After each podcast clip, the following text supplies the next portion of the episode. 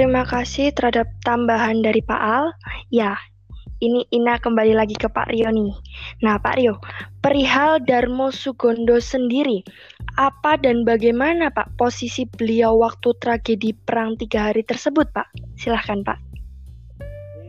Uh, posisi Darmo Sugondo sendiri. Jadi seperti tadi yang dikatakan Pak Ali, tambahannya bahwasanya pemimpin perang di sini adalah uh, di kepala kepala stafnya itu Sunariadi, terus kemudian baris per, uh, terdiri dari empat barisan. Barisan pertama ada Suyoto, Kapten Suyoto. Uh, terus kemudian barisan kedua ada Kapten Dolasim, barisan ketiga ada Kapten Darmo Sugondo, dan kemudian barisan keempat ada Kapten Makahim tadi. Nah, di sini kita fokuskan ke Darmo Sugondo perannya gimana sih? Nah, kalau jika uh, menurut saya sendiri, ya saya pribadi berdasarkan data yang telah saya peroleh bahwasanya bagaimana sih peran si Darmo Sugondo. Jadi selaku pemimpin barisan ketiga memang watak dari Darmo Sugondo itu eh, pengku apa pengku itu keras kepala gitu ya. Jadi hmm. sekalipun dia tertembak sekalipun dia terkena bom jadi dia tidak akan meninggalkan masukannya jadi si Darmo Sugondo ini apa setia kawannya itu. Jadi dia memberi contoh untuk menyerbu uh, ketika menyerbu ke Surabaya terus kemudian itu uh, dia selalu tampil di yang paling depan gitu karena memang dia apa Nurumangsani Hilang Nurumangsani dia itu sebagai pemimpin harus memberikan contoh. Nah seperti itu. Jadi uh, pada saat perang tiga hari tersebut karena memang wilayah kekuasaan dari atau wilayah pertahanan dari Darmo Sukondo adalah di Kalitangi dan yang uh, masuk ke wilayahnya si tentara Inggris pada saat itu adalah Kapten Dolasim. Jadi ketika Kapten Dolasim mengalami kekalahan di situ, ketika memundurkan pasukannya langsung di backup sama pasukan Darmo Sugondo. Jadi pasukan Darmo Sugondo itu uh, langsung membackup ke depan. Jadi ketika pasukan atau barisan pertama selesai, terus itu kita terdesak sampai barisan kedua, barisan kedua sampai ke barisan ketiga itu seperti itu. Di uh, perannya kita nih uh, sebagai apa ya biar tentara sekutu nanti tidak tidak semakin meluas gitu loh. Intinya seperti itu. Jadi uh, si Darmo Sugondo ini tidak langsung masuk ke wilayah kotanya Surabaya. Tapi yang masuk ke wilayah kotanya adalah Kapten Basim nah itu uh, dalam pertempuran tiga hari pasca pertempuran tiga hari tersebut uh, pada tahun 46 itu baru terlihat peran nyata dari Darmo Sugondo ketika uh, Darmo Sugondo mengambil alih. Memang uh, ketika pendidikan apa ketika pendidikan peta opsi, opsi tinggi peta di Kabupaten Bogor Darmo Sugondo itu dibekali dengan ilmu kayak sekarang itu intel jadi intel. Jadi dia itu iya. ahli dalam memperoleh informasi dan juga penyamaran. Nah di situ oleh uh, Pak Pak Kono kita nyebutnya Pak Kono ya Maijen Kono karena pada saat itu belum dapat gelar letkol letkol itu setelah pasca kita merdeka secara utuh setelah sekutu pergi dari Indonesia. Nah jadi uh, Pak Kono tadi memerintahkan bahwa, uh, kepada Darmo Sugondo. Pak Kono tahu bahwasanya Darmo Sugondo ini adalah seorang intel bekas intelnya Jepang bahkan ketika uh, ketika si Darmo Sugondo ini beralih dari Heho ke peta itu sempat dicurigai. Jadi dulu ketika ikut Heho ini kan uh, keluar. Yeah. sudah uh, si Darmo Sugondo ini sudah mendapatkan apa uh, gelar atau mendapatkan posisi tertinggi di Heho tapi kemudian dia memutuskan keluar untuk ikut ke peta. Karena memang menilai bahwasanya oh peta ini kan pembela tanah air. Jelas uh, derajatnya lebih tinggi. Mungkin pikirannya Darmo Sugondo seperti itu. Nah untuk mengetes kesetiaannya dari Mas Gondo akhirnya dia diutus menjadi sama si tentara uh, sama tentara Jepang ini disuruh mencari informasi sopo sih sing sekiranya yang sekiranya nanti akan memberontak. Nah, jadi disuruh cari orang yang uh, apa istilahnya kayak ngono ngobong-ngobongi rakyat dan merdeka dari Jepang akhirnya bisa. Jadi mendapatkan informasi terus akhirnya mendapatkan orang seorang uh, etnis Tionghoa yang memang pada saat itu di, berada di warung kopi kita nyebutnya hmm. mungkin kopi tapi nggak tahu zaman dulu warung kopinya seperti apa gitu ya jadi uh, di hmm. warung kopi ada obrolan orang-orang uh, pribumi kita nyebutnya atau kaum bumi putra itu dengan seorang etnis Tionghoa itu uh, membakar semangat bahwasanya kita harus berjaga dari Jepang. Nah, orang tersebut yang akhirnya di, dilaporkan oleh Dharma Sugondo ke pihak tentara Jepang. Ya, Pak Kono tadi uh, kita kembali lagi atau Maijen Kono tadi tahu bahwasanya memang uh, kapasitas dari seorang Dharma Sugondo untuk menjadi intel atau untuk menjadi uh, seorang yang mencari berita itu sangat apa akurasinya sangat tinggi. Akhirnya si Darmo Sukondo disuruh menyusup ke dalam kota Surabaya dengan menyamar. Jadi si Darmo Sukondo ini berulang kali masuk ke kota Surabaya tanpa ada yang mengetahui sama sekali. Karena kalau ada yang tahu, pasti jaminannya uh, kalau nggak dipenjara seumur hidup ya pasti langsung dieksekusi pada saat itu.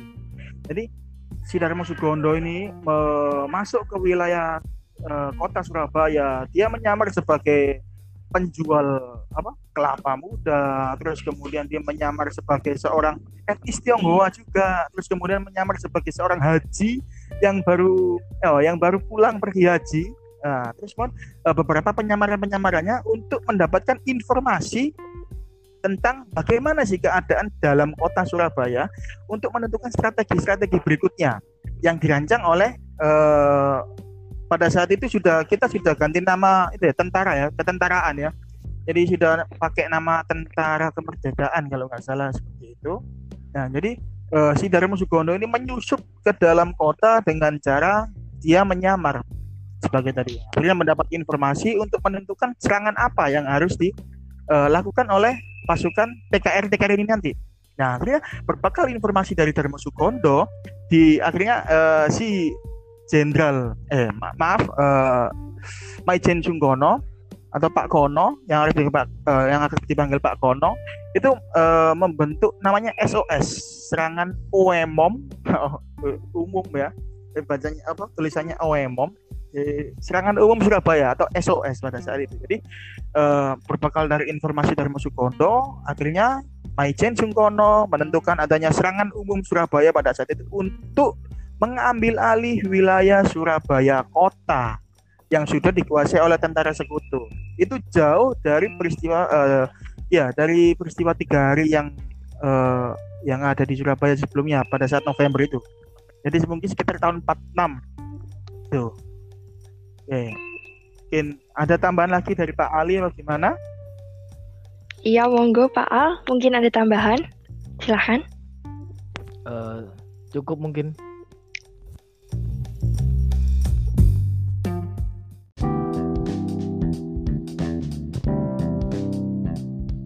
Oke, kalau begitu.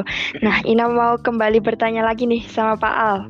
Nah, Pak, dikatakan bahwa Inggris hancur lebur seperti yang disampaikan oleh Bung Tomo dalam pidatonya di tanggal 10 November. Apa maksud dari hancur lebur tersebut, Pak? Silakan, Pak. Iya, jadi uh, pidato fenomenal fenomenalnya Bung Tomo itu kan uh, pada dasarnya intinya begini pada dasarnya kita atau rakyat Surabaya itu bisa mengambil alih atau menghancurkan pasukan Inggris namun berkat eh, apa ya dalam arti kedatangan Soekarno jadi waktu itu orang Inggris tahu bahwa jika mereka meneruskan perang itu bakal hancur hancur sehancur-hancurnya.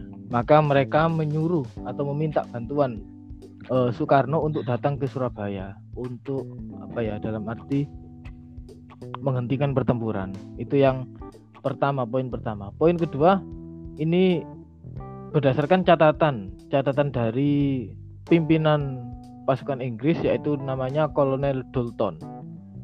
Dia menyebutkan perang 10 eh, perang tiga hari itu sangat mengerikan. Jadi dia menyebut bahwa orang Indonesia di Surabaya tidak menghiraukan kematiannya. Jika seorang laki-laki jatuh tertembak, 100 orang lainnya datang maju terus menyerang. Meskipun diberondong senjata. Kematian terla kematian bertumpuk-tumpuk. Tapi orang Indonesia malah bertambah banyak berdatangan, hanya melangkai para pemuda yang tewas bergelimpangan di depannya. Jadi itu itu gambaran dari catatan Kolonel Dalton tentang bagaimana mengerikannya perang tiga hari itu dan e, sebutan hancur lebur itu begini, memang benar-benar hancur. Tidak tidak bisa dibayangkan kehancurannya. Jadi uh, itu yang pertama karena kesalahan dari Malabi yang membagi pasukannya. Jadi pasukan Inggris waktu itu kan berjumlah 6000 itu dibagi menjadi 20. 20 uh, titik. Akhirnya ya berbeda dengan pasukan Surabaya disertai uh, serangan rakyat ya tinggal serbu aja satu persatu titik itu aja. Kan simple. Beda ketika uh, berkumpul 6000 lawan berapa gitu kan. Beda lagi. Nah sampai data data ya dari dari pasukan uh, Inggris dan juga dimuat dari surat kabar Belanda menyebutkan hanya dalam waktu dua hari saja pasukan Inggris dan Gurkha tersisa sekitar 2000-an pasukan dari 6000 itu berarti 4000 pasukan Inggris bekas pemenang Perang Dunia Kedua hancur atau tewas di tangan rakyat Surabaya. Dan sisanya tersebut yaitu 2000-an itu adalah pasukan dengan kondisi yang tidak baik. Nah, eh, saya pernah membaca beberapa pasukan Inggris itu bahkan trauma. Trauma ketika perang di Surabaya dan eh, mengatakan bahwa eh, perang di Surabaya itu neraka. Perang yang benar-benar membuat eh, Inggris kalang kabut, kewalahan. Namun, tetap saja jumlah korban di pihak Surabaya tidak dapat dihitung secara pasti, namun dapat dikatakan ya seimbang. Ketegangan dua hari yang berarti dua hari itu ya tanggal 28 dan tanggal 29 itu sudah menewaskan 4 ribuan pasukan dan berlanjut terus sampai tanggal 30 sampai akhirnya Brigjen Malabi e, tewas gitu. Jadi e, itu yang dapat dikatakan hancur lebur ya menurut Bung Tomo. Namun tiba-tiba di stop oleh e, Soekarno, kedatangan Soekarno menyetop kemarahan dari pasukan e, dari Surabaya begitu nah. Oke Pak, terima kasih. Ya mungkin ada tambahan dari Pak Rio. Silahkan Pak. Jadi uh, pada pada tanggal tersebut sebelumnya itu uh, barisan kedua dari pasukan TKR Gresik itu sudah ternyata sudah menyerbu masuk sudah menyerbu masuk dan menguasai wilayah di sekitar Surabaya uh, tepatnya di kantor gubernur dan juga daerah Kebun Rojo itu adalah pasukan dari Kapten Dolasim. Ya, jadi eh, yang sebelumnya memang pasukan Kapten Dolasim fokusnya itu di daerah eh, Kaliana, ribut ya, wilayah memasuki Surabaya. Tapi kalau kita lewat Kaliana, ya, jadi itu eh, mereka ternyata pasukan Kapten Dolasim sudah berhasil menguasai. Jadi sebelum peristiwa eh, siapa si AWS malah terbunuh tadi, itu sudah bila, eh, menguasai wilayah gubernuran dan juga wilayah kebun rejo, rejo atau rojo kalau saya ingat saya kebun rojo ya. Jadi uh, terus kemudian di backup lagi di belakangnya pasukan Darmo Sugondo. Kemudian di backup lagi pasukannya uh, Kapten Perkaim terus uh, setelah adanya ultimatum tersebut baru dilakukan dari organisasi lagi. Jadi uh, memang uh, apa namanya dukungan atau istilahnya kayak pencegahan kita agar tentara sekutu tidak meluas itu sudah terjadi pada tanggal-tanggal tersebut. Jadi kita sudah berhasil uh, menguasai ketika mereka datang, kita sudah uh, istilah joko-joko. Di joko-joko ben uh, eh Gresik ini kok gak gak gak tambah meramak nanggone kota-kota lain gimana. Jadi uh, beberapa kota di sekitarnya seperti Sidoarjo, terus kemudian wilayah uh, Jombang, terus kemudian wilayah Mojokerto, Gresik itu sudah banyak sekali tentara-tentara yang melibatkan juga warga atau masyarakat sekitarnya untuk mempertahankan wilayah mereka. Jadi ben gak meluas. Nah, seperti itu. Mungkin itu tambahan okay. dari saya. Iya, Pak. Terima kasih, Pak. Nah, Pak, Ina mau tanya lagi nih sama Pak Rio. Bagaimana sih Pak mobilisasi pasukan pasca perang tiga hari tersebut di Gresik?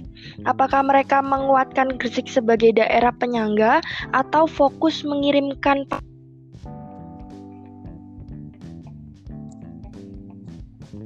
Uh, jadi seperti ini, uh, pasca perawan tiga hari tadi, uh, fokus dari pasukan-pasukan di Gresik ini adalah untuk itu tadi uh, tidak meluasnya kekuasaan Inggris sampai ke luar wilayah Surabaya. Seperti yang saya sebutkan di awal tadi bahwasanya kawasan Gresik kota yang kita ketahui saat ini dulunya merupakan Kabupaten Surabaya. Yeah. Nah, di situ uh, para pasukan-pasukan seperti kelas karen itu banyak sekali di sini. Karena memang mereka kita balik lagi, mereka cenderung bangga untuk menjadi seorang pejuang. Apalagi uh, seperti dikeluarkannya resolusi jihad oleh Yai Haji Yasin Masari pada saat itu itu semakin menambah apa semangat perang dari terutama warga Gresik yang banyak santrinya kita kan terkenal dengan kota santri. Iya. Jadi uh, apa semboyan manut kiai itu uh, memang sudah ada sejak zaman perang bahkan kalau menurut saya orang-orang uh, yang kita ketahui supporter persebaya bonek-bonek ini saat ini itu memang dulu mereka juga bondo nekat. Jadi dari masyarakat-masyarakat tersebut setelah mendapatkan fatwa jihad bahwasanya uh, kita berjihad kita harus melawan sekutu kita harus melawan gini gini. Gini nah mereka uh, mereka tanpa ada basic militer mereka tanpa ada aku gak ngerti caranya iki tembak tiga nembak ya apa? Cara mengisi peluru gimana? Cara menggunakan bom yang seperti apa? Mereka hanya ber, uh, bermodalkan nekat tadi bondo nekat tadi. Akhirnya uh, dari masyarakat-masyarakat itu tadi seperti data yang disebutkan Pak Ali memang banyak sekali jumlah korban nyawa dari kita. Jadi seimbang. Bahkan sampai uh, salah satu jenderal perang Inggris itu menyebutkan bahwasanya uh, Surabaya is hell. Jadi Surabaya itu neraka. Jadi uh, kalau menurut saya pribadi ya eh, yang memang benar-benar nyata perannya menyumbangkan sumbangsi kemerdekaan secara nyata itu ya wilayah Surabaya dan sekitarnya. Nah, yang memang eh, masyarakat-masyarakat sekitar ketika eh, dapat fatwa seperti itu, terus kemudian ditambah lagi pasukan-pasukan dari Dharma Sugondo, Kapten Tulasim yang pada awalnya sudah berhasil menguasai beberapa wilayah di Surabaya dan perbatasan Gresik Surabaya. Yeah itu kan akhirnya uh, dipukul balik oleh tentara sekutu. Jadi uh, kita ini saling kalau dalam sepak bola itu jual beli serangan lah kayak gitu. Jadi dipukul mundur kita cari pasukan kita maju lagi pukul lagi mundur lagi kita cari pasukan. Jadi istilahnya uh, mati satu tumbuh seribu. Jadi masyarakat di situ uh, berperan sangat penting. Terutama uh, ketika pasukan-pasukan dari barisan satu dua tiga tadi mundur ke wilayah Kabupaten Gresik ke wilayah Gresik dengan juga mereka uh, pembantu walaupun tidak membantu secara uh, tidak membantu secara militer tapi warga-warga sekitarnya ketika dimintain bantuan untuk uh, makan uh, makanan terus kemudian pasukan-pasukan yang bertugas untuk merawat istilah kayak PMI PMI-nya pada saat itu mereka bersedia. Jadi ketika para tentara tadi merasa ini gak, gak sanggup. Ini uh, kita harus mundur kayak gini kayak gini. Oke kita mundur ke kampung A misalkan. Nah seperti pasukan dari Sugondo ketika pada saat itu Kapten Dolasim sudah mundur ke barisan dari Sugondo akhirnya dari Sugondo mau tidak mau kan harus mundur lagi. Nah, dari Sugondo tersebut lari ke daerah sekitar diri situ. Nah, sama Pak Lurahnya itu disambut dengan baik. Jadi sama Pak Lurahnya, sama warga-warga sekitar yang memang uh, laki-lakinya kan memang jumlahnya sangat sedikit pada saat itu karena memang sebagian besar laki-laki sudah ikut ber, berperang pada saat itu.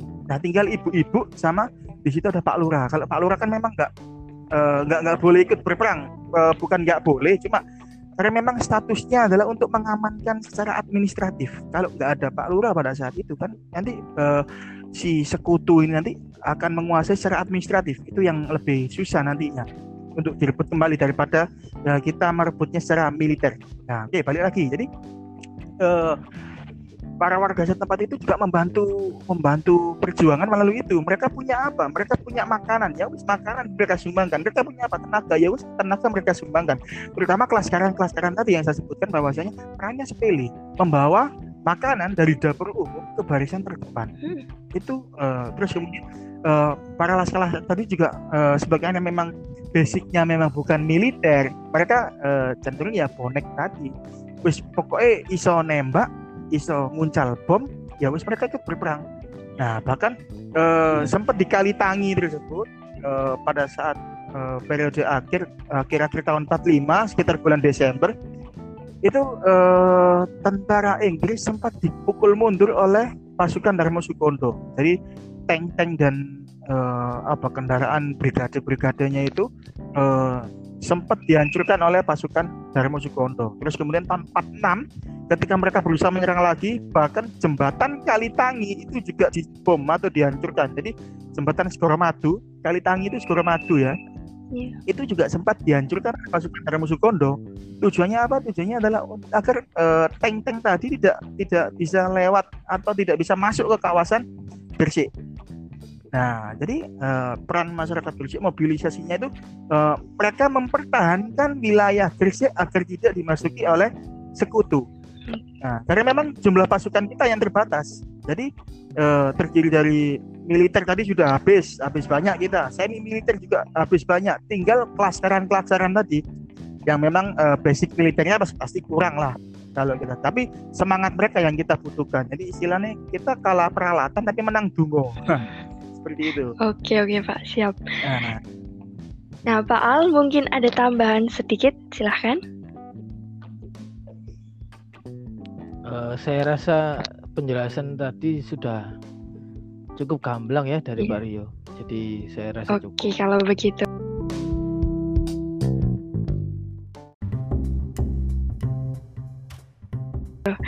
Baiklah teman-teman, gimana? Sudah paham kan mengenai pembahasan kita hari ini? Iya, penyampaian sejarah yang mendalam justru akan melahirkan kebijaksanaan dan pemantapan sikap untuk generasi muda. Gejala maupun langkah dari masa lalu bisa menjadi pijakan untuk menentukan ke arah mana wawasan sejarah ini disampaikan.